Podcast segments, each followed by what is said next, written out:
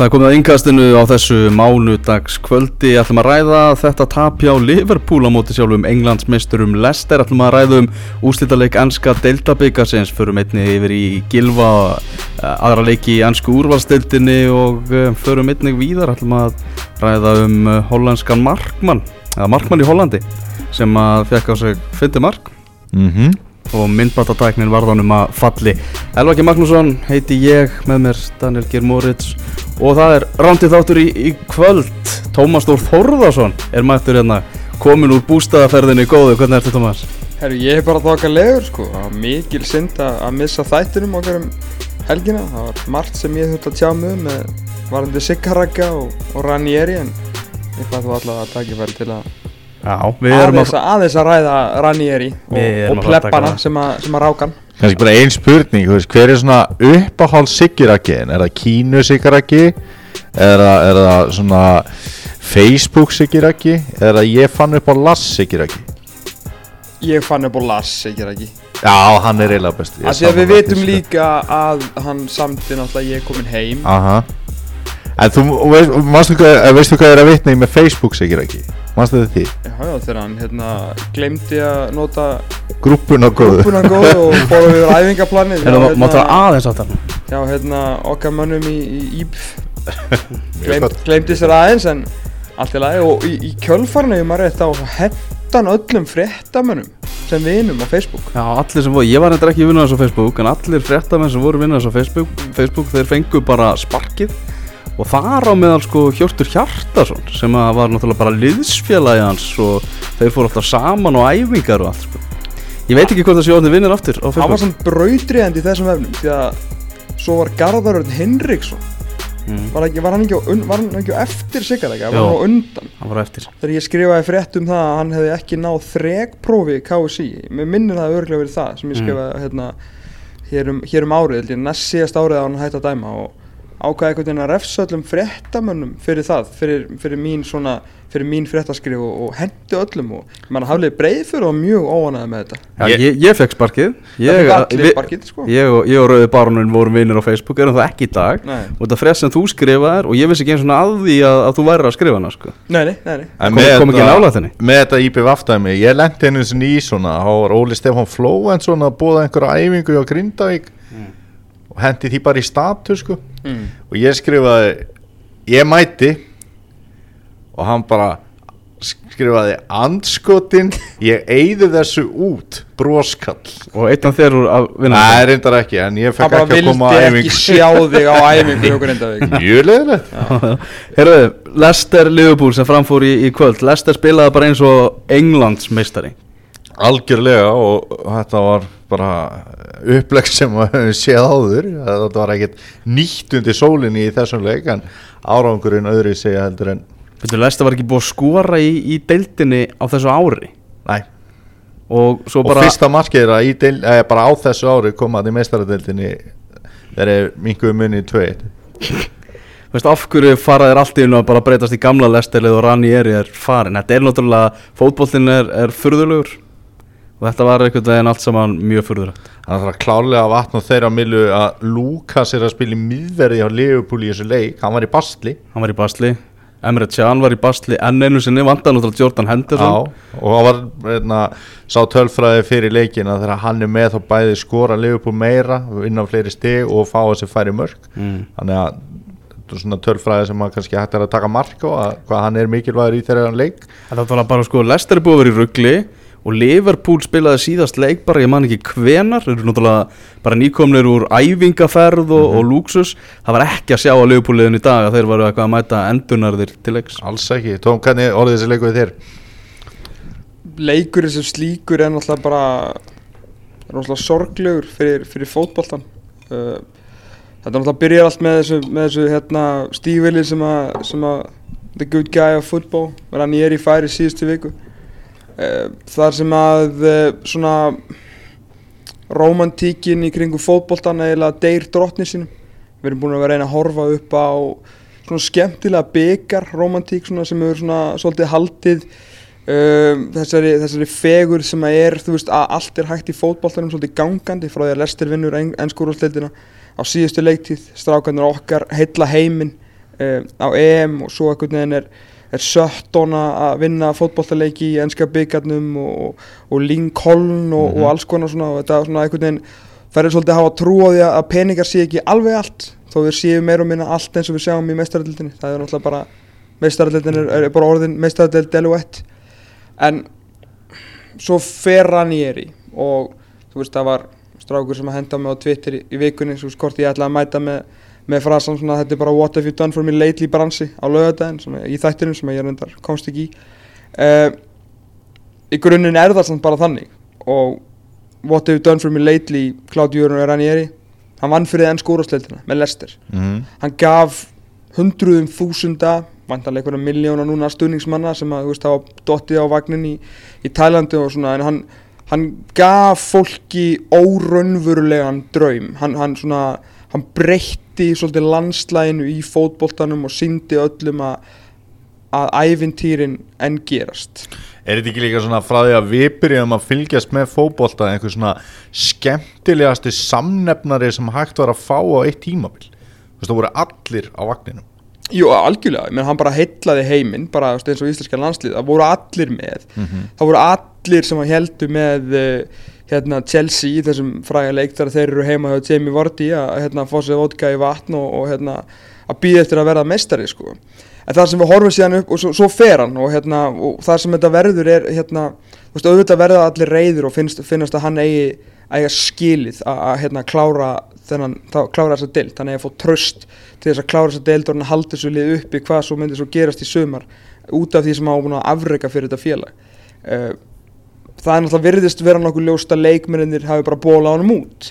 Veist, þeir taka, fótboltamenn taka enga ábyrð í, í þessu lífi sem við köllum fótboltan í dag, enga ábyrð Bara eins og vorum að ræða yfir leiknum Það er eins og svona of margar fréttir búin að benda til þessa svo að geti verið ósatt Ég, það, er bara pottitt, sko. Það er ekkert allir fjölmir á Englandi og allir blamenn sem við vitum og treystum komnir í þetta nema að sé að minnst okkur 80% af þessu satt.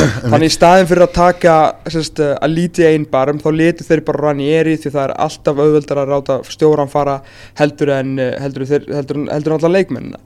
Um, við sáum, það eina sem við sáum í þessu leik á hann, þetta, var, þetta voru 10 að 11 englandsmeisturum pluss Ndidi bara nýr leikmaður inn á miðunni það er bara sama lið og spilaði fyrir Já. sama lið og vann Liverpool á þessum velli Sama og- sama já, já, já, allt. bara á sama lið sem að vann öll stóru liðin veist, og endaði með að vinna ennskúrúsliðin með tíu stigum Já. þetta var ekki eins og þetta var einhver ævintileg dramatík og allir hlupin á völlin á sko 97. mínútu í lokaðum fyrir henni fyrra þau bara pökkuðu saman að deil einmitt. þannig við vitum að leikmenn Lester hafa þetta í sér. Þeir eru ekkert besta liði heimi og auðvitað var þetta veist, mikið ævintýri en við vitum að þeir eru algjörlega færir um að vinna leiki svo ykfold þannig að eina sem að leikmenn Lester syndu sér og aðalega okkur er að þeir eru bara þú veist, maður ma vill ekki fara alveg of hart ef maður kemur of stert lýsingar orð þá veginn svona detta allir af pælingunni og halda maður að sé eitthvað svona að, ég veit ekki, að, að fara eitthvað of langt með þetta en, en þeir síndu mér ekkit annað en að, en að þeir séu bara flón, skilur þú veist, ég veit alveg hvað þeir geta. Ég horfði á það að spila 38 fótbollaleiki í sterkustu Mhm. deldi, erfiðustu deldi heimi í fyrra og vinna hvert sigurinn og fætur öðrum. Þannig að það vissu allir þeir gætu þetta. Þannig að spurningin er mjög einföld og það þarf engin, þarf engan þú veist, Jamie Carragher eða Gary Neville til að koma þetta take, þú veist, hvað er þetta búið að vera tímabilið? Þannig þeir hafa bara A, þú veist, ekki spilað svona í stórun hluta, stó, hluta veitarains og B, á einhverju tímabúti bara hætt að nenna því og hætt að vilja spila fyrir Claudio Ranieri mannin sem gerði það á englandsmeisturum. Mm. gleimu því aldrei að þó að Lester uh, það verður alltaf sjálfsög ekki englandsmeistari núna og það er ekki leiðin í Európa-kefni segjum svo svo að Lester bara falli núna í gleimskunum dá. Þeir verði eitthvað stað bara neðan 10 næstu 2-3 ára og ég vil bara fara niður.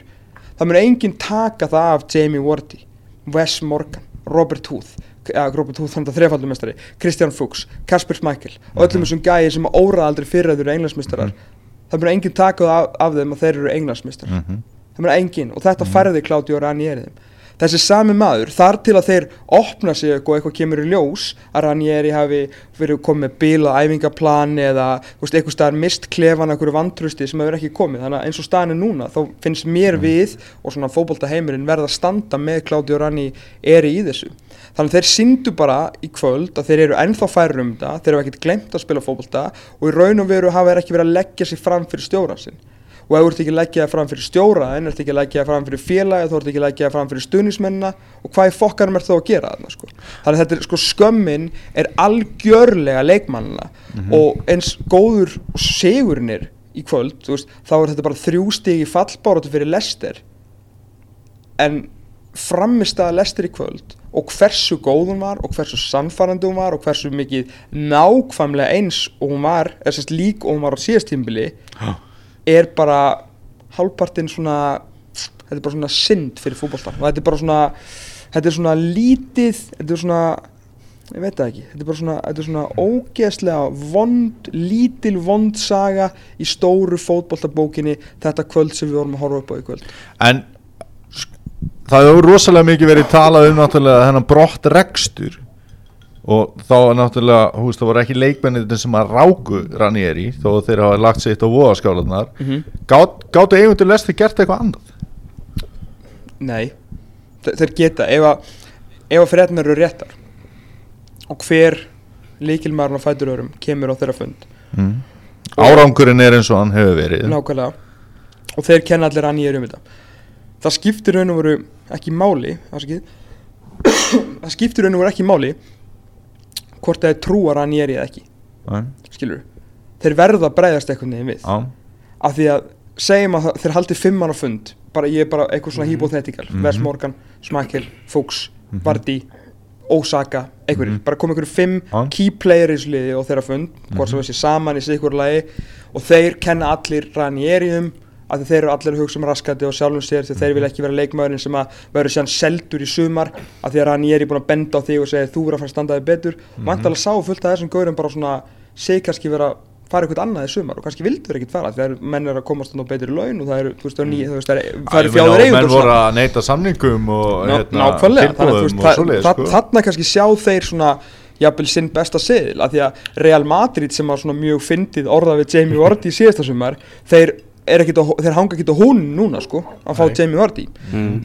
þannig að þegar eigunir fá þessa menn upp á hérna og, og bara yfirmagnarspindmóla og hvað allir þessi stjórnaformaður og hvað allir þessi gæðir heita þú veist, þeir eru með þessi statement frá þessum leikmennum og þeir sjá bara, ok A, við trúum þeim og rann ég er verið að fara B, við trúum ekki en þeir eru hættir að leggja sér fram fyrir stjóran og þeir eru nógu margir já. til að vega þingra heldur en stjórin Mhm. og það er náttúrulega orðið skilur mig sem sagt, það er þessi böggul sem þetta ber að vera knaspundustjóri Já, já. þessi, þessi ævintýrlega leðilegi frasi að það er auðvöld að reyka stjóran er svo ævintýrlega Já, já. af því að leikmennir hvort sem að sé með, með hérna, sannleika eða legum þú veist, satt eða logið á sunnundum skilur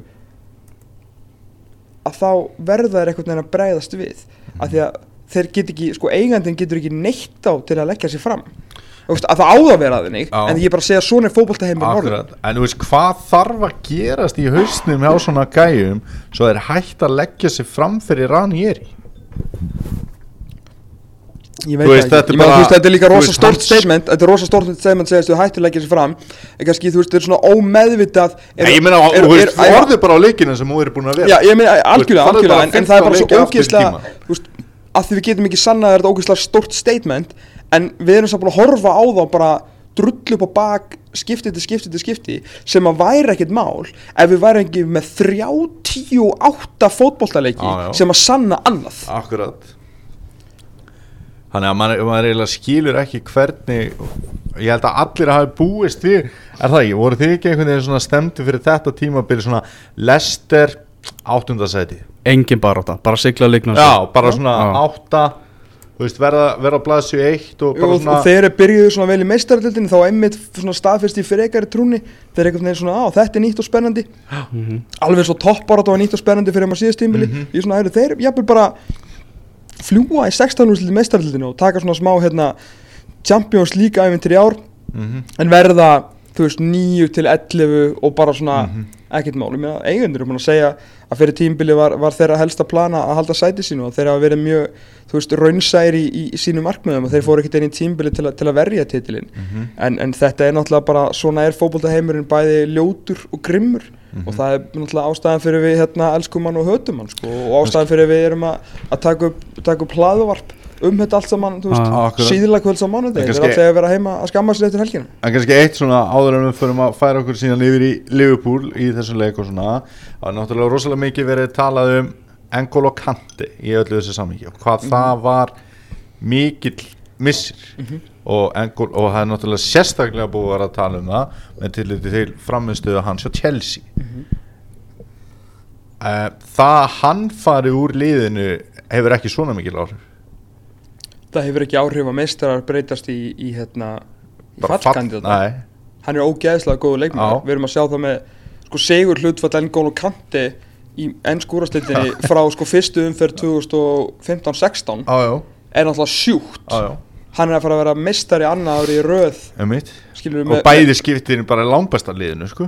Langbesta lið Já, já. og, og það er náttúrulega hérna, hefur, hefur, hefur mikið að segja með hversu ógeðslega góðu leikmaður hann er og líka kannski B hversu frábæla vel hann hendar fyrir ennsku úrvarslitin Já, já, þú veist að því að hann var ekkert eitthvað að ríða húsum á eurumótinu skilur en alveg góður já. en þetta er einhvern veginn svona energiser kanina sem hættir aldrei Mhm. er frábær tæklari mm og náttúrulega aðalega hvað hann er alltaf í ógeðslega góðu formi þá skiptir hann ekki máli hvort að sé einhvern veginn veist, stórleikur eða lítilleikur hann er alltaf, já. hann er alltaf á fullu já. hann hendar geggjastlega vel fyrir þess að til Við sáum líka alveg á síðasta tímambili á komi leikir þar sem Andy King þyrfti til dæmis að spila inn á miðinni og hann gerði það vel og hann er ennþá í lestir Mm. þeir keiftu hennar Mendy sem áttu að svona fylla skarð kanti og veist, það, er, það er ekki sem svo að hafi flög úr hreirinu í nýs akkurat, þú veist, það er ekki svo að hafi ekkert verið þetta þó hann hafi farið. Þú veist, og að ég sé ekki að bera þá saman endilega. En það er aldrei svona ódýrt að tala um bara að þetta var bara kanti í fyrra sko. Nei, ef að Kanti er, ef að Kanti er einn munurinn á tíu stegar sigri í ennskúrústildinu með Lester Já, og liðið sem er að falla bara, þá er hann betið heldur en Messi, Ronaldo og Neymar það saman.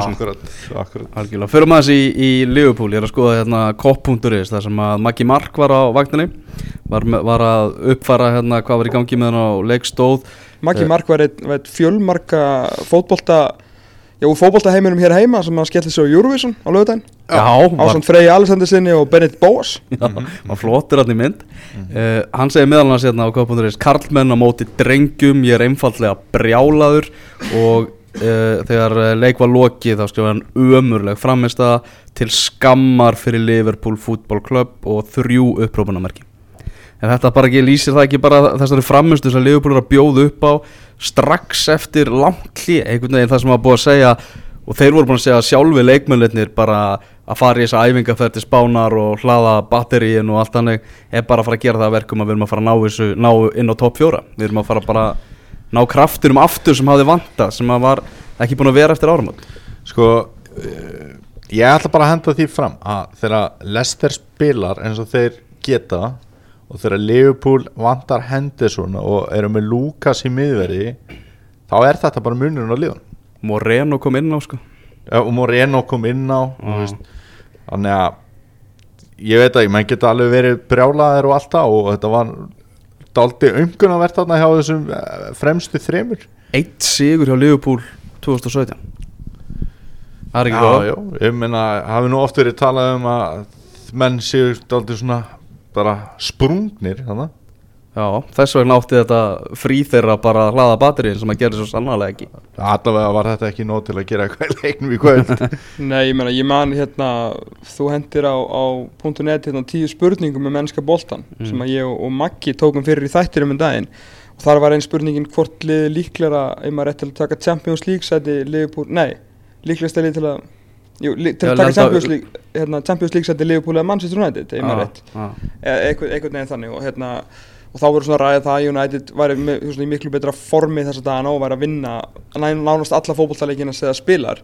Á meðan að Liverpool náttúrulega vann hvað eitt leik á átta eða eitthvað í janúar. Mhm. uh, en þá svona skilur við kom Maggi með hennar búnt sem er mjög góður að nú væri þeir bara í frí. Þú getur hlaðið svolítið batteríin að að það sem að Liverpool þarf á að halda er náttúrulega er skilur að spila dreift skilur spila sjaldnar heldur en oftar að þeir eru Mm. ekki með þeir eru með fyrnastert fyrstu ellu þú veist svona allavega meðan svona undir þessi Jürgen Klopp taktík svolítið svona liði hans og hvernig það svona fungerir í þessu nýju útgáfa eins af hérna svona þessu ennsku gegenpressen að hérna þannig að maður hugsaði sko ok þú veist þeir fóru þeir fóru fríið en, en þú veist það kemur ljósa að það þarf kannski aðeins, aðeins meira til að þetta er ekki bara þú veist, Þorkjör Ástvald sko að hérna þeir, þurfa meira heldur en að Já. fara bara í fríð að þú veist að Lukas Mhm. Leiva er ekki nógu góður til að spila þú veist hvað er hann, 50 miðjum að Leifbúl Já, en hann er að það starta í vörninni mhm. og við verðum að gera það líka í deltabyggarnum og Já, þannig að þú veist með, með krakkaliðinu sko. þetta er orðið rosalega þunnskipað Mhm. og, og þeir litu líka bara svona illa út í kvöld fannst mér sko, þú veist það var Já. svona einhvern veginn þú veist hvar var hérna þú veist var þessi hjólatúr á Costa de Sol þú veist vo- voru þeir bara í 21. gýr allan tíman eða, já. þú veist þú voru ógeðslega einhvern veginn þungir og þunglama leir og maður einhvern veginn held að þeir kæmu bara þú veist aftur í þú veist, svona, fara aftur í hlaupatölunar sem við sáum í byrjun tímpils bara- það var náttúrulega rosalega svona upplýsandi þessi, svona, þessi hlaupatölu feature Sky Sports innan fyrir nokkuru vikum þegar sást bara svart á hvítu að Liverpool sem að tók langflesta sprettir að deildinni sem er náttúrulega er kerfið hans Jürgen Já, já, Klopp já. þú veist, þeir voru sko fannir að sko fæk, þeim var farið að fækka um mörg mörg prósent, ef ekki 20 prósenta Mhm. hlaupa sem sagt vegalendin var farin að droppa líka og þeir áttu bara ekki meira eftir á táknum Mhm. L- hvað þá, þú veist, þeir þessi náttúrulega, ég man ekki betur en þetta verið komið út í janúar þeir spiluðu náttúrulega bara annað hver dag ah. Já, þannig já, að þetta maður var bjóst við miklu meira þegar þeir komu núna Mhm. En þá bara einhvern veginn eins og þau væri bara ennþá í flugvélina að fá sér svona lítinn gin og tónik sko. Mhm. þú veist, þetta var svona þetta var, já, svona smá miniatúr þetta, var- þetta var svona, þetta var bara, þetta var aumt. Mjög stund bara mjög aumt og lélegt. Og ef það er eitthvað, ef það er eitthvað sem að, úst, er ekki staði í á þessari leitið þá er það svona aum framist að, Mhm. ekki oft allavega, þú veist, er að það er kannski ekkert verið góðir og náttúrulega unnu fá að leiki í janúar og veist, stundum óöfnir og lalala en, en Þetta var bara ógeðslega lél þetta var bara svona, veist, þetta var langt frá að vera einhvern veginn Liverpool sem við erum að sjá á tímbil og það var búin að slaka til ég, veist, ég held að þetta væri svona, svona hraður leikur og, og veist, mikið svona sprengja og eitthvað, og veist, við veitum hvernig Lester vill spila Mhm. og, veist, og það býður upp á margt skemmtilegt. Og, og við veitum líka hvernig Liverpool vill spila þetta er daldur svona mætti segja að einhverju leiti líklið varandi sóknatilbruna þú veist, var alltaf að gera svolítið ræð þó að Liverpool sé náttúrulega miklu meira pressulið heldur nótt í mann Lester fyrir minni, hvað á hann? Coutinho, hann var lítið að gerast það ah. þetta lélegasti leikur ábyggli á manni í Liverpool treyni Adam Lallana, við töluðum nú um það hérna fyrir áramóta, hann, hann var mögulega besti miðjumæður deildarinnar bara fyrir jól. Já, allavega þessi típa og hvað, hva, það er ekkert búið að vera að frétta þar. Sko mér er svo slag að fyndi núna að- konsensusin er rosalega mikið að leikmenn Liverpool eru bara ekki nógu góðir til að afrika það sem að þeir ætluðu sér að afrika.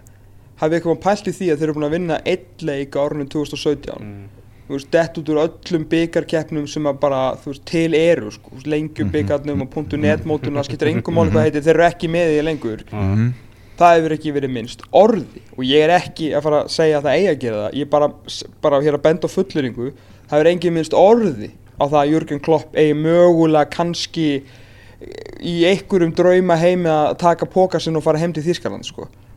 væri störtluð pæling sko, ég er ekki að segja nei að fara. en í allri þessari trilltu gulu bresku pressu Mhm. er algjört einróma samþykja því verðist um að Jürgen Klopp er betri heldur en allir í leifupúliðinu Mhm. skilum mig, það, veist, það er, er bara- alltaf bara bent á það að leikmennir er ekki nógu góðir eða sérst, greinilega eru leikmennir ekki nógu góðir ef að stjórin skilur er ekki einu svona, sko sæti er ekki einu svona komið í sko stillingu eitt í hitasætinu þú veist, Nei, nei, nei, nei, það er bara ég- jökulkalt sko. Ég held að Daily Mail hafi verið með það Það er komin einhver svona slúðursaði í gang um það að það sé óanæðina leikmannhópsins með æfingatímana sem Klopp er með Hann er með einhverja hugmyndafræði í gangi um að til dæmis þegar að spila núna á kvöldi Mm. þá vill hann frekar þeir æfi setna og hvað bara hálf sex svo já, pepsilegin bara þannig, þannig að þeir byrtu æfingaprógrami og þeir eru að æfa bara fimm á daginn og eitthvað. Og þetta hafi fallið í mjög svona grítan jarðið ekki á leikmennur sem vilja náttúrulega helst vera bara búin í klukkan tvö og eiga allan daginn þá, þá, þá spyr ég mig sko hvað hérna hva, hvað máli skiptir ykkur hvernig þau eru að æfa Það er alltaf verið að reyna að finna Það er svo skemmt þetta fótboltan, það er alltaf verið að finna upp eitthvað nýtt. Já, við vissum við sko. Það er bara þannig. Nei, þú veist, að um það að- eru gæðarna sem hafa borgað 100.000 pund á viku fyrir að spila fótbolta sko. sko. Já, ó, það er hérna að sofa út og fóra að æfa ykkur fimmleiti. Það er djöfull. Þetta er góð myndi, þetta er alltaf gaman sína mynd í podcasti. Já, Það er alltaf að taka pókan sinn. Þetta er Ranieri að kveðja sko. Og hann er með Lester póka Þannig að hann bókstæðlega tók pókan sinn. Það er gekkja Það er ekki Þeir eru, vindum okkur yfir í Deltabyggar úrslitaleikin sem framfór í ger Manchester United vinnur hann að Southampton. Uh, Þetta fjall einhvern veginn með Manchester United í, í þessum leik Daniel.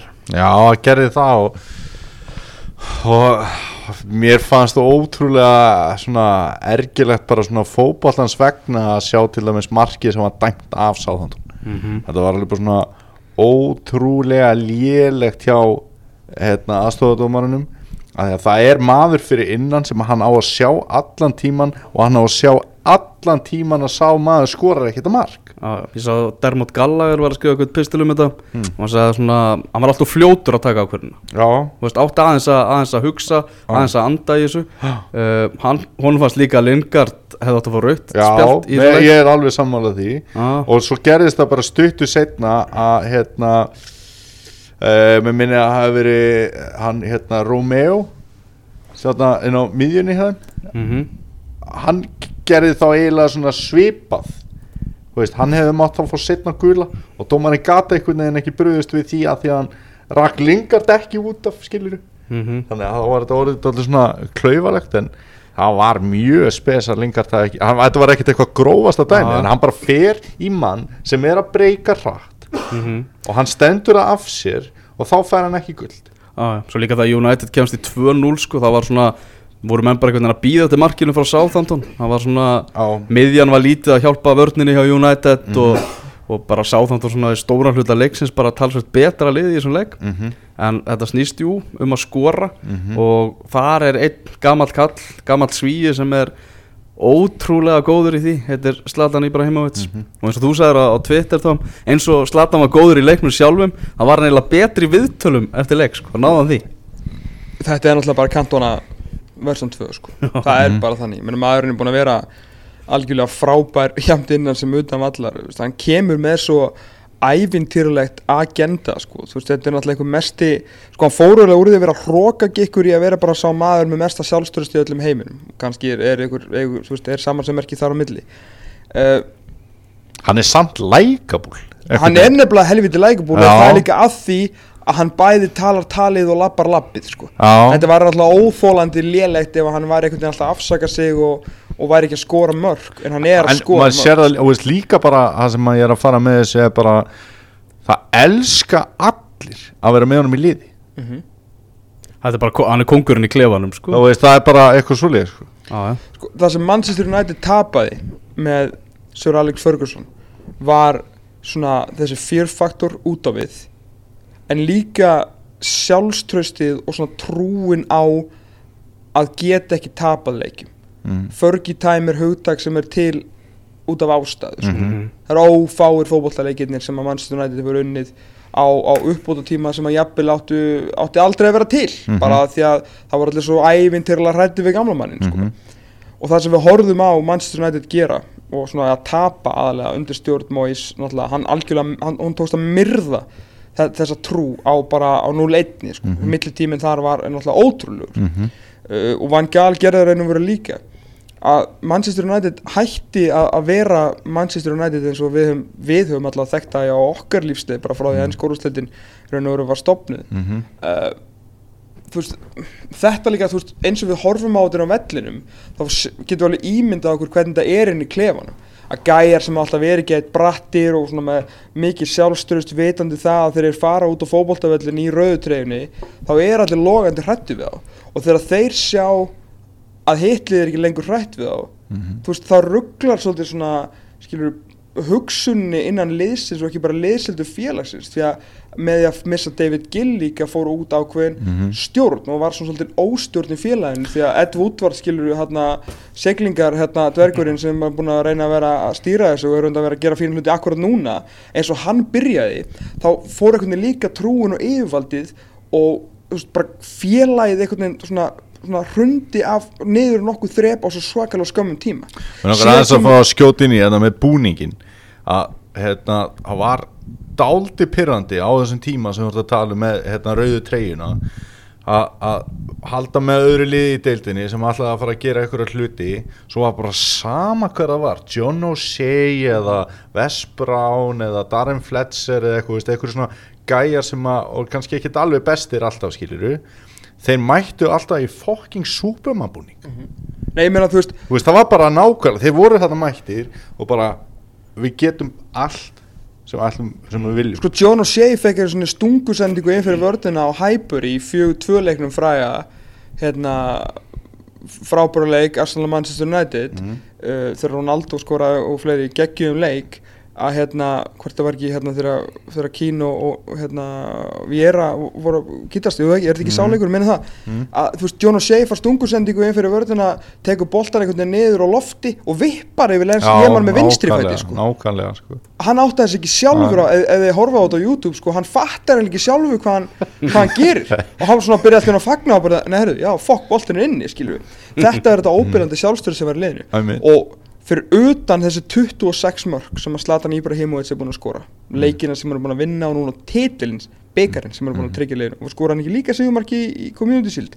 Eða á hann ekki, Skora allavega þar hann skora allan þar þannig að hann áður að báða byggarinn á tímbilinu Sko er ekki lingar þar líka, er ég að rugla? Vembley líka, þannig að hann, elskar hann á Vembley Hann skorar- alltaf í það já. sko. Það sem ég er að reyna að koma að er að svona ævintýralegt sjálfströst smitar út frá sér. Já, að þó að gæðinir sé búin að vera náttúrulega lengi og heiti þú veist Michael Carrick og David De Gea og Wayne Rooney og svona Mm. þessi gæi er bara einn búin að koma með svona dass, ekki allt saman en svona stóran slatta af þessu sjálfstyrðsjóðu sem fyrfaktor tilbaka. Ef að- ef að- bara með því hvernig hann lætur í klefanum Ah. og ekki með einhverjum dólgslátum hann bara, hann saði ég er komið til Englands til að skora fullt af fokkin mörgum Mhm. og okkur er það efast um mig. Ég er búin að skora og skora og skora og allir bara, hei, þetta er Premier League maður. Hvað ætlar að gera 35 hvað ætlar að gera þetta maður. mánudagskvöld í stók ég ætla bara að fokkin skora. Svo ætla ég að skora um næstu helgi og næstu helgi og næstu helgi og næstu helgi að ár hjá Manchester United upp á síðkastið Ef að Zlatan hefði komið bara til Manchester United þegar hann fór til PSG Reyndar þá ekki með Mourinho yfir sér David það er engum máli skiptið með David Moyes Jésús Kristur í framlínu hefði ekki getað bjargað David Ah, Moyes sko. David Moyes það var bara dögt frá byrjun sko. ah, David Moyes réð ekki við meðalmenn Ég veit ekki hvernig hann hefði ráðið við Zlatan Nei, Slatan í- hefði líka aldrei komið sko. hann, Ah. hann segir í öllu viðtölum Hósi Mourinho hringdi mig þess vegna kom ég sko. En með Slatan í þessu leik Hann var ekkit endilega besti framherrin inn á samt. Þú veist, bara eins og maður segi það. Þú veist, hérna Gabiadini á Sáhandun Hann átti náttúrulega geggjaðanleik Já, já, en Zlatan stál bara bara- uh, uh, þrumunni. Ég held nefnilega að- allavega eins og þetta horfið við mér að munurinn einhvern veginn á liðunum í raun og veru bara í þessum úslita leik voru markmenninir annar markmann var góður og hinn var ömurlegur. Já, já, al- algjörlega sko. Þú veist, þú veist, Sáhandun átti náttúrulega fleiri færi, gerðu meira og verð, þú veist, með allir virðingu fyrir Slatan og hans bytnutækni og annað verður bara þessu aukaspinnu Já, já, a- algjörlega skilu en, en boltinn fór í netið og, og það er svolítið það sem að Slatan er búin að, búin að snúast um á, á þessari leikti þannig búin að vera náttúrulega algjörlega ævintýralegur og þessi tölfræði með hvað hann er búin að skora núna sko meira sko eftir að hann var að þrítugur heldur en sko öllum ferlinum og undan því Mhm. eh, er náttúrulega mjög áhugaverð Mhm. því, því að hann Hann var ekkert í lélugum liðum fyrir það, sko Nei, alls ekki sko, hann alltaf hefur alltaf verið mikill deildarleikmaður, þú veist, svona ljóta leyndamáli með Zlatan en alltaf hann er eitthvað mesti sko Champions League loser Mhm. í sögunni, veist, hann hefur fengið bara meira rauðspjöldum heldur að skora mörk í, í Champions League, eða sem fyrir ekki útsláttarkeppni Champions League í gegnum tíðina, það hefur aldrei verið hans keppni en, en svona í svona domestically sko, bara í deildarkeppnum og, og byggurum hefur hann verið algjörlega magnaður og 32 titlar á, á hans ferli, sko, Allt er lægi allt er læg Manchester United fekk náttúrulega einhverja bestu gjöf í heimi frá, frá sparkspekingum þegar þeir, þeir sæna hann þeir, það voru allir, það hafa allir svo ógeðslega mikla trú á Premier League Svo, við skulum Mhm. aldrei gleyma þessum orðum þú veist, hvað myndi Messi gera á kvöldu kvöld í stók sko. þetta er ekkit annað en bara Premier League hroki Mhm. og, við skulum, og ég er ekki að gera lítið úr ennsku úrstöldin, alls ekki og Ah. þessi setning á svona næstu því, hún er svolítið svona tákumynd þess sem er satt að, að stóru liðin þurfa alltaf að passa sig og það er þess vegna sem við horfum alla leiki þessari deild að menn við horfum á Real Madrid spila kannski móti fjórulegum en við nefnum bara, þú veist, eipa Real Madrid ef við erum heima litlir í okkur eftir að við reknum út að býja 5 kl. 5 sko. þú veist, annars nennir ekki að horfa á, á La Liga þannig sko. en hérna hann sænar og það er alltaf hvernig hann er 35 sko. alltaf þú að koma í League 35 ára kallið minn og fara að skora eitthvað mörg já, Já, ég bara geri það. Svo það er það sem er svo heillandi við hann. Og hann er, mér finnst- hann ekkert með einhver dólgi í þessu vitunum, hann bara sagði ég komin hann til að skora. Þið hafið enga trú á mér, býðið bara. Nú er hann búin að skora, skora, skora, skora meira heldur en allir á Englandi. Og svo var hann spurður skilu, bara flott spurningi gerð, bara svona meiri sem við þína rosalega háu standarda. Vist, er þetta framar og væntingum? Nei, ég spáði þessu og hann er ekkit, þetta er ekkit sko eitthvað Monday morning quarterback sko. Hann sagði þetta í ágúst. Hann sagði ég er að fara að skora hérna fullt af mörgum og fara að koma með titla aftur Old Trafford. Mörgin eru 26, titlan eru 2 og tímbil er ekki búið sko. Mér er svolítið skemmtilegt að ég hérna, er það veðmáli fyrir þetta tímabil? Að hvað Slata myndi skora fyrir United? Þá var einhverju svona Gauðar sem var að veðja um það hvort það myndi ná að skora tíu mörg á þessu tímabili sko. Nákvæmlega. Og ég, ég vil bara koma það var í raun og veru kannski ekkit algjörlega sturlað bar í ágúst sko.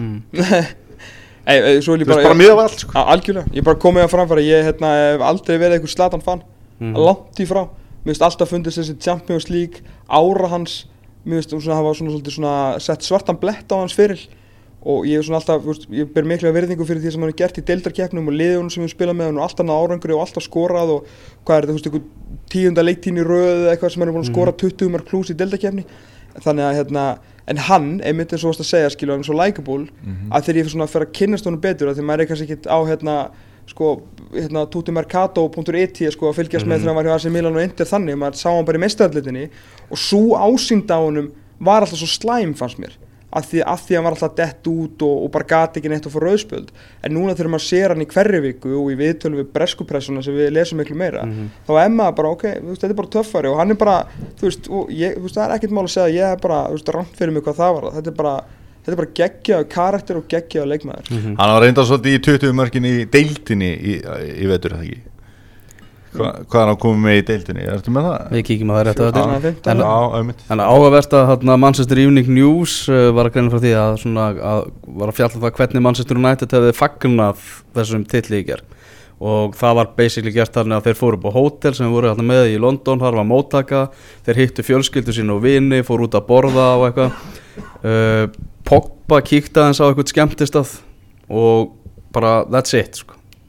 og þeir vilja meina það svona að Mourinho sé eiginlega bara að ná svona sama aga og einbetningu í hópin og, og Sör Alex Ferguson var með. Þannig að það er spurning að sjá, spennandi að sjá hvort það verður eitthvað framhald af því. Við vorum að tala um það áðan Tom, það er svona komið smá umræðum það að deildabyggarinn svo við notum hérna handbóltafrasan það var góð auglýsing fyrir deildabyggarinn þessi, þessi úrstildalegur í ger en það verður að tala um það að deildabyggarinn sé eiginlega að nálgast FA byggarinn, meðan það verður að tala um það að, að FA byggarinn sé svona detta niður, stóruliðin hætta að, að spila á stóru mönnunum í, í þeirri keppni og ungum leikmönnum uh, á Bretlandi er hægt að dreyma um það að spila úslítaleika á Wembley í Cup þá sé svona deildabyggarinn kannski aðeins að, að rísa og sé eiginlega bara hendur að fyrir stóruliðin að leggja áherslu á deildabyggarinn og beila á FA byggarinn bara upp á það að það skemmi minna fyrir þeim þá í, í deildinni þetta er, þetta er mjög skemmtileg pæling því að þú veist Deildabyggarinn og FA-byggarinn gefa nákvæmlega sama sem Mhm. sæti í Europa League og þú veist eins og sérstaklega fyrir lið sem eru kannski 5 til 8 þú veist lið sem er kannski bank og dyrnar í mestarlildinni og meigar óslega kannski líti við því svona skrítið að segja þetta en þú veist að því við erum að tala um þetta svona að hérna að vera að fá undan úrslitaleik kannski einhvern tímann lok april, mæ Mhm. sérst á Vembli, tala nú ekki um það og það er rosalegur svona hvað maður að segja, veist, það, það getur sett hugamanna hérna á aðra staðnir eiga að vera kannski akkurat í apríl og mæ, veist, þar, þá viltu að menn sé að vinna leiki í ennskúraslitinni til að landa því svo er að landa kann- mögulega kannski í Champions League sæti. Þannig að veist, þetta er, þetta er alveg rétt. Ég meina þú farið þar þú farið deildabyggarnum er hérna þú farið undanústaleik á heimavelli þannig að veist, það, það er kassi því fyrir svona lið sem eins og segi eru 5-8 það eru tveir leikir í því. Þú farið leik á Wembley þú veist, með öllum dýrðarljómanum sem því fylgir já. þú færið Európa-deltarsæti sem er, er í bóði og þetta er búið í lók februar, byrju mars Mhm. og þá, þá er það bara off og þá ert þú kannski þá bara, þú veist, maður að gæsa að spá í mestarallildinni og, og, hérna, og deildinni ef, ef þú ert þá búinn að tanka með, með, í byggarnum eins og mörglið því miður undanfæran ár hafa, hafa verið að gera þetta eru þetta elst og virtasta byggarkefni í heimi og allt það Mm. En það er rosalega erfitt að halda áfram að segja þessa setningu þegar við erum að horfa upp á svo mörglið í undanfæran ár vera bara að, að senda bara skólastrákana sína oft, oft til leiks að minnst okkur til að gera 6, 7, 8 breytingar sko. Það er samt eitt með þessa pælingu sem að uh, svona já, uh, já eitt sem að hallar á þetta Ok, ok Ef við skoðum hverjir hafa verið að vinna FA byggarinn síðustu ár mm. Þú veist, Manchester vann hann í fyrra veist, þá var ekki eitthvað svona áhyggjur að verið að skemma eitthvað önnu mót. Uh, Arsenal vinnið það uh, tvö ár þar á undan og þeir eru í fjóruðasætis byggarnum Arsenal alltaf úrleiki 16 lústum í Champions League bæði árun og United var ekki Evrópu sko. Þannig að það var ekki mikið annað fyrir það að keppa þú veist, ef við bara tala um sístu þrjá byggara sko, já ok, ok þannig að þú veist, þú veist, ég- er ekkert að gera lítið úr ennska byggarnum bara að- því að City vinnur að því fyrra sko. Þú veist, Já, ég sé ekki Leopold í úrslitum City vinnur sko. Leopold í úrslitum þannig að þú veist. Já, já. Nei, ok, Já, þetta, þetta er Þetta er alltaf á, já. Þetta er alltaf svona pæling sem sem er, þeir er að alveg hægt að þess að melta breytanir er að þeir vilja meina ekki við að, að deltabyggara sé svona nálgast. Já, þetta er umræða sem er bara komin, mitt. komin á stað úti. Þannig þannig fórum um sjóferð þá við skulum fara að vinda okkur aðeins bara í annað sem að gerðist um helgina. Swansea tapaði fyrir Chelsea. Gilvi lagði upp mark og er næst stóðsendingaðistur í, í deildinni. Uh, samvinna hans og Fernando Lorente Við þurfum náttúrulega Er hann ekki orðið stóðsandi eitthvað hæstur En hann er kemindi brún ekki jafnir og efstir eru Kristján Eriksen komst yfir Já, ok yfir ok. Gylfa síðan Já, í já, gær, já, sko. Ok, ok veist að Danish fucking Gilvi Já, sko. já, það er bara þannig En þess með, þess með mitt geta að, Ég held þessi, já Það var fjóruða stóðsendi Gilva og Lorente Og Kristján Eriksen er með sama fjölda á Harry Kane Og það er, það er engin samöðun að tekja leikamanna Sem hefur borið meira ávöxt á, á þessu tímabili Þannig að þetta er náttúrulega bara líkildin að því að, að Swansea geti haldið sér uppi. Og Gilvi sagði það náttúrulega í viðtali í dag Að þetta er bara besta tímabil hans á, á ferlinum Og bara tölurnar segja það líka. Já, ég meina þetta er bara svona, þú veist, kaftið nöglus allar leið. Já, Já. hann er geggjaður þú veist, hann er bara við held, hann, hann er bara aftur eitsinsliðs að halda þessu lið uppi og eða meira eitsinsliðs heldur hann á síðustu liti því að fyrra var náttúrulega Asli Vilnians virkilega góður og Lukas Fabianski var einum, einu hreinu lagi frá, hérna, frá gullhanskanum, þú veist, hann var að spila það vel. En, en nú er Gilvi Þór Sigursson búin að setja heilt lið í ennskúrústildinni á bakið og dröslast með það umferð eftir umferð. Við erum að horfa á íslenskan leikmann sem er veist, í ennsku úrvastildinni að spila með svona fótballtaliði með sko búin að leggja upp og skora á við bara bestu leikminn í heimi og heldur en margið þeirra. Þetta er náttúrulega Þetta er sturglun Þetta sko. Kevin De Bruyne er að, er að, er að leggja upp mörg á, á veist, Sergio Aguero og, og fullt af svona ágætis fótbollamönnum sko, sem að kunna sitt hvað fyrir sig í fræðunum og svo kom hann einhver Gabriel Jesus sem hann bara svona, já ok, þú ert bara next, next big thing og hann skora fullt af mörgum en þetta er þú veist, maður er náttúrulega löngu upp í skopum með lýsingar fyrir, hann- fyrir hann að gila þó Sigursson sko, og að vera áfram í Swansea halda prófílinn svona á sér halda allir áfram að skrifa mann sá með þeirri spilum við Lester á Super Sunday hérna um daginn. Að því að svona Super Sunday leiki fá alltaf miklu uppbytun líka sérst í bara sko pressunum, sérstaklega á Sky þegar Sky er með leikin og þá var bara þvílík úttekt bara þessi fræga grein sem allir íslenski miðlar pikku upp er Gilvi mm. vannmettnastu leikmaður í ennsku úrstildinni Mhm. það getur vel bara verið það. Þetta var líka svo fyndin fyrirháleikur. Svo veist, Swansea fekk valla boltan á vallarhelmingi Chelsea. Þeir voru konið bara fjóri, fimm alltaf og, veist, og Gilvi átti mjög erfitt uppdráttar í sem sagt, opnum leik. Mm. því að þeir voru bara, þeir voru geggjaðir í pressunni og hefðu átt að vera búin að skora meira. Og svo kemur þetta þessi aukaspinna og hún er náttúrulega fáránlega vel tekin algjörlega. Og, og þeir ná inn þarna svona flautumarki í fyrirháleik það er bara 1-1 og þetta var eins mikið krist út úr þessum fyrirháleik og hægt var Mm. að hálfu svonsi Mm. svo náttúrulega erfitt að halda það eitthvað út sko. Já, já, nátt að fá viti já, já, já, já. En ég las það einhvers þar á Twitter Þetta er byrt án allrar ábyrðar Og það er náttúrulega bara spánverjar sem að skoruðu fyrir Chelsea sko að það séu fleiri spánverjar búin að skora eða það eru fleiri spæns, spænskmörk búin að koma á Chelsea heldur en nokkru lið í lag líka á Spáni. Ok, það er þetta geggja ef, ef það er satt þá er það náttúrulega bara geggjuð tölfræði. Uh, las líka eitthvað viðtal við, við Fabregas þar sem hann var að tala um sko hann hefur náttúrulega ekki átt svona kannski fast sæti hjá, hjá Conte Mhm. en hann var að tala um það að hann var að njóta þess samt í botn að vera þarna. Vegna þess að hjá Conte þá var hann að læra svo mikið af nýjum hlutum það var svo mikið nýtt sem hann hefði bara aldrei kynst í fótbolta Já. sko. þannig að hann sagði bara að það veri afskaplega gaman Á skalanum 1-10 Elvar mm. Hvað finnst þér líklegt að við höfum eftir að sjá Fabregas þjálfa í ennskúruasteildinni eða í spænsku efstu deildinni? uh, ég myndi alveg henda sexa 6? já, Ok, já, ég er svona 7 ok Mér finnst það mjög líklega típa í það sko. Ég er líka bara líka mjög ánægð með að hann hérna Gildur Þór Sigursson sé að kveikja mínu manni Fernando Llorente. Ég er gríðalegu Fernando Llorente maður og, og verið í nokkur ár frá hann var, það geggja Lorenti treyju, ég sé hana.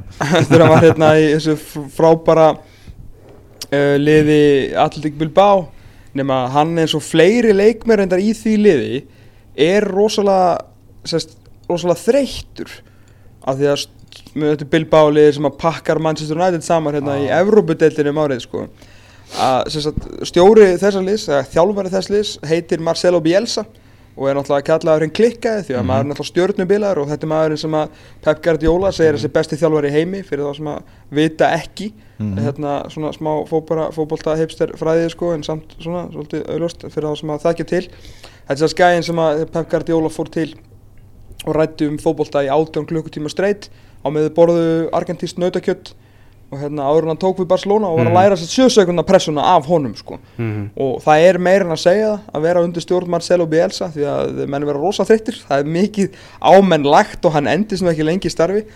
En ég fór nefnd að pæla þessum dag en ég var að lýsa hérna allir Bilbao. Og þið munið eftir þessu lið þú veist, áttu allir að vera þú veist, næsti geggja leikmaður. Munið eftir hérna Iker Munain sem var Mhm. Já. trilltur í þessu þú veist, og svo eru þeir allir þarna Óskar til Marcos Bagurinn og Anderito Raspe og þú veist, þessi gæjar, Mikael Sanosei og þú veist, fyr- fyrir þá sem mun eftir þessu emmi og hafa eitthvað séð allir vil bá að spila sko, það hefur ekki mikið breyst af því að menn eru alveg döð reytir Fernando Llorente fór í til Júvend og svona en nú er Gilvi að kveikja auður rendi og ég kann að meta það sko. það Þetta er topp nefnilega- framherji, sko. Þetta er gæða leikmaður sko. Og Og líka- orðað við Chelsea allan janúar bara sem dæmi sko. Já, og er náttúrulega, og er númer 1, 2 og 3 frábær skallamaður Mm. og það er rosalega gott að vera góður að skalla fótboltan þegar Gilvi þó sigur svona í liðinu Við varum alveg til að hafa Lorente í íslenska landsliðinu núna þegar vantar Það er bara einhvern framherja, þú veist, bara Heyrðu, Tottenham slátraði stók í, í fyrirháleikjar Ég horfði með þetta á fyrirháleikin mm. þar sem að Kane setti þrennu í þriðja sinn í síðustu nýju leikjum sem er ansi góð tölfræði. Hann er náttúrulega bara þriðja tímabili í röð að fara yfir 20 mörkin í, í ansku úrvarsleitinni Mhm. Ansi, ansi gott, ég ger, tók rétt ákvörðin ég hugsaði svona í hálfleik eh, þetta er eiginlega bara, þú veist, þetta er búið. Það er ekki spenna í þessu, þannig ég hætti að horfa. Og það kom náttúrulega ekkert mark í, í setna áleikin Og í ofanála þá laði hann upp líka á Dele Alli. Þannig að hann var með þrennu og stóttar sko. já, og bara þetta Var hann valið maður leiksins það? hann var valið maður Fekk leiksins meira þess að eiga boltan sko. En þetta var ekki Evrópu tóttina sem við fengum að sjá þarna. Nei, vá, Þeir voru helviti flottir þessir en það leitt náttúrulega vörninn og stók alveg skelvilega út í þessum ágæta leik Mhm. uh, Everton vann Sönderland þar sem Morgan Snæderlin var vist besti maður Everton. Mhm. Komur Eh, aftur heim til pappa Já, talandu Sönderland hefur ekki aðeins að skoða fallbarátuna Bornmáð svolítið að svoast þarna niður. Já. Varnaleikurinn, veit ekki hvað það sé eftir, út að það er bara Agge fór eða hvað það er en um, hann hefur er bara orðin alveg skelvilegur ja. Sko fyrir leikin í kvöld og, og hérna kannski áður en að þetta Ranieri dæmi fór allt í gang þá held ég að þau lið sem myndir falla væri komin hérna eh, neðst, sem sagt Sönderland, Húl og Lester mm. ég held að þetta nú sé eitthvað meira að fara aðeins svona í gang hjá Lester Millisbró líka, veistu hvað þeir hafa unni marga leiki Þeir hafa unni fjóra leiki fjóra leiki Það er minnst allra liða í deildinni Það, Mhm. þetta er svona lið sem hefur eiginlega ekkert verið rætt sem mögulega er fallkandidatar sko. þeir eru miklu basli Krista náttúrulega Þú sér bara á markatölunni það er bara einfalt hvað, hvað vandamál þeirra er þeir skor ekki mörg Þeir skor ekki mörg, þeir með 19 mörg skoru 28 fengið á sig 28 fengið á sig og vera í 17. sæti mm -hmm. Arsenal er búið að fá svo 28 mörg sko. Þannig að bara algjörlega augljóst að vandamál millisbúru er bara markaskorun Já, já. og Borma þeir náttúrulega við höfum oft svona lofað þá en þetta lítur bara ekki vel út sko. Nei, við þurfum að hrósa þess að Tony Poulis hann heldur bara frá að gera fína hluti með, með Vestbró já, já, já en það, nú er þetta mann finnst það einhvern veginn svona það er meira í gangi á Krista Palace og Swansea heldur en mörgum öðrum liðum hann að nýri getur ekki verið saman að það? Fyrsti heimasegurinn hjá Big Sam, Stóri Sam Já og líka þeir voru bara að fá fína leikmenn sko. fengu þarna Van Anholt hann náttúrulega skoraði sigumarki fengu Sakko, hann er klárlega ekki svona ég ætlaði að segja mest í jólasveitin í fattbáratunni það er kannski ekki heppilegast að Nei, nei. það sem að hann er skemmt í kraftur sko en hann er náttúrulega góður miðvörður með að við liðin sem eru þarna Mhm. ekki spurning Þannig Þannig að að Sönderland, Húl Bormáð, Middlesboro Það, það er mikið vesen hann sko. Já, já, reyndar svona Bormátt er ennþá alveg Þeir eru með hvað 26 stig. Það eru ennþá fjögursættir niður í fallsæti sko. Ná svona Þau eru ekki alveg að fara á tögum strax. Uh, Vindum okkur aðeins uh, Út fyrir Premier League. Uh, Veit ekki hvort það við séð Þérna þetta mark sem að Markur í PS of Eindhoven Fekk á sig á móti Fæjanort Okkar aldrei besti Jerome Zoed Já, Jerome Soet okkar besti maður sem að sem kendi marklínu tæknum og var eiginlega bara brjálaður út í þetta. Ha? Já, hann var actually bara pyrraður og, og, og tók ekkert söka á sig sjálfu var bara pyrraður út í marklínu tæknum hann er greinlega ekki hrifin á henni. En hann þú veist, tók hann að fína vöslu var bara með kontról á boltanum dróð hann sig svona í fangið nema hann var inn í markinu sko. Þannig að marklínu tæknum bara Heyrðu, mark og þetta endaði bara sem sigumark í toppslag helgarinnar í hollenska boltan En við erum átt okkur því sko boltinn var án þess að íkja svona 2,5 millimetra allur fyrir innan línuna. Þetta, þetta er svona dæmi sem hefði aldrei í veröldinni heimin í að geimi verið dæmt mark án marklíðundagni og dómarunum krossbrá sjálfum. Já, hann, var ekkert að horfa á þetta. hann var ekkert að, hann bara, ok, þetta er bara hann er með boltan svo allt í hennu finnur hann bara víbrasjón á hendinni lítur og bara op, op, op og liftir höndanlega geðveikt hátt upp og byrja að slá alveg bara dot, dot, dot, í klukkuna og til að sína mönnum skilur við að því að það, það finna er að fótballtamenn þeir trú ekki ennþá á tæknina sko. Ég þeir eru svo blóðheitir að þú veist, dómarinn segir bjá, þú veist, það er hérna ógeðslega fullkomin tækni sem er að segja þetta sem mark og þeir eru bara, byrju, boltinn er ekkert inni. Bara, jú, jú, hann er inni sko. Aha. og þetta var alveg Ég meina stórmerkið tæknin hefur samt stundu verið bríður skilur, þó að kannski ekki ákveðat þetta atvik þannig að- Nei, nei.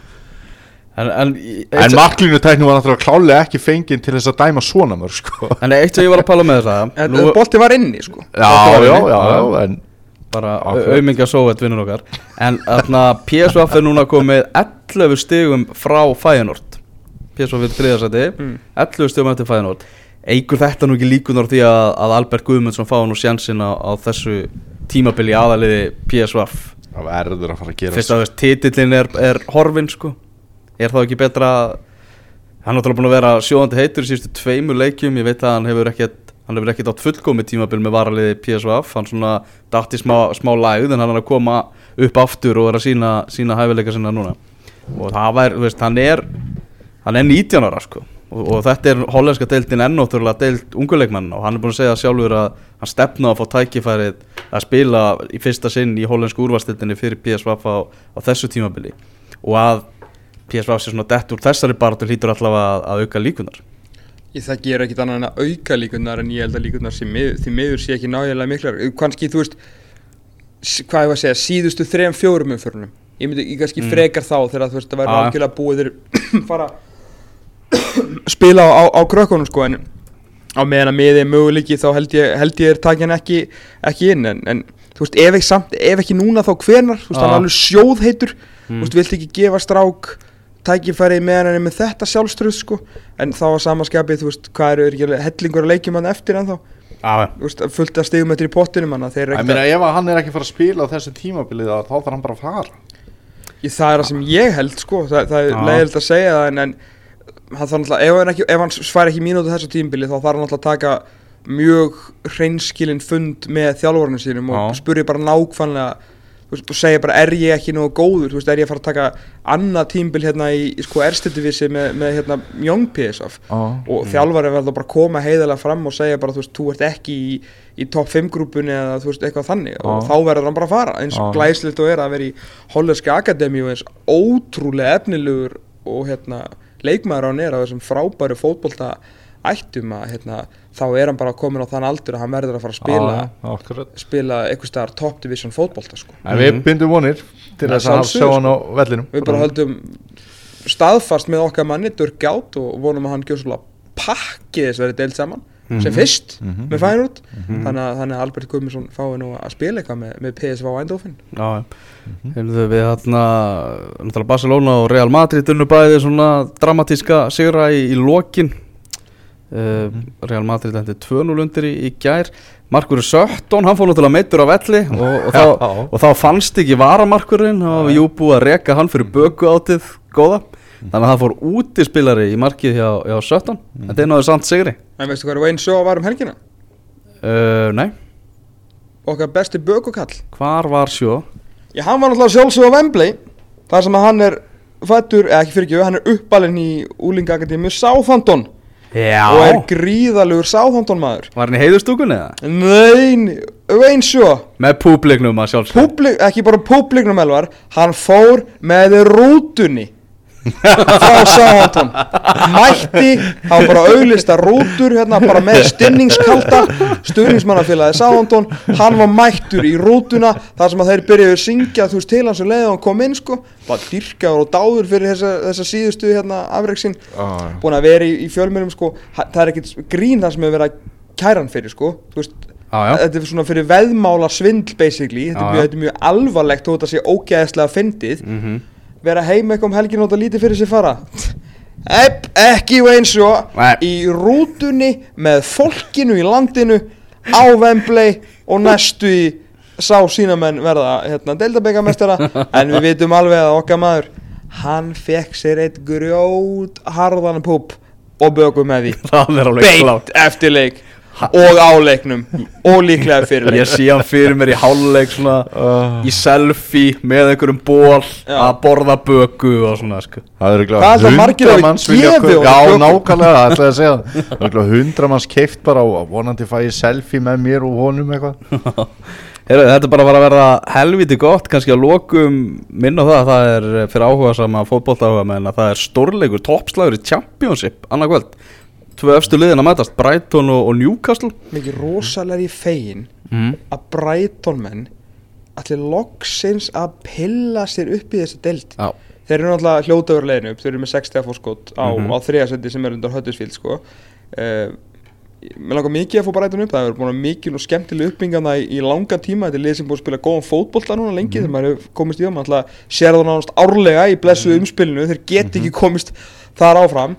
Og svo er þetta náttúrulega hérna, er, er Brighton er, sagt, hérna, homaborgin í, í hérna, Englandi.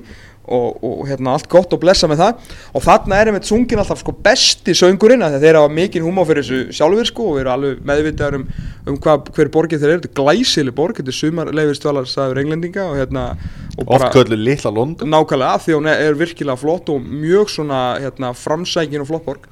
Og þarna syngja sérst alltaf gesta stuðnismenninir sko. Það er alltaf sama hlæðið sungið. Það er alltaf Does your boyfriend know you're here? Sem að ég er mjög gaman að.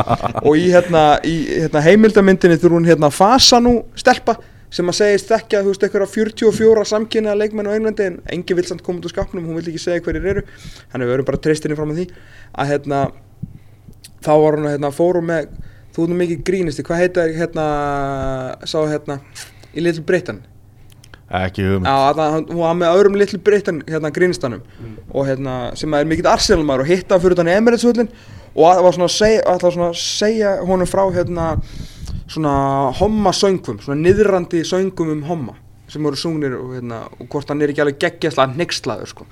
og hún eitthvað, herru, svo syngja þér í Brighton hérna, does your boyfriend know you're here að maður náttúrulega trilltist og hlátri sko. Að bara trilltist, þá bara er þetta ekki að grínast? Þetta er náttúrulega best að segja nokkuð til mann heilt sko. Þú veist, það er eitt að vera með nýsöngu en góður bandir er alltaf góður bandir það er bara sko. Láttu þetta verða loka orðin enn í kvöld, takk fyrir strókar.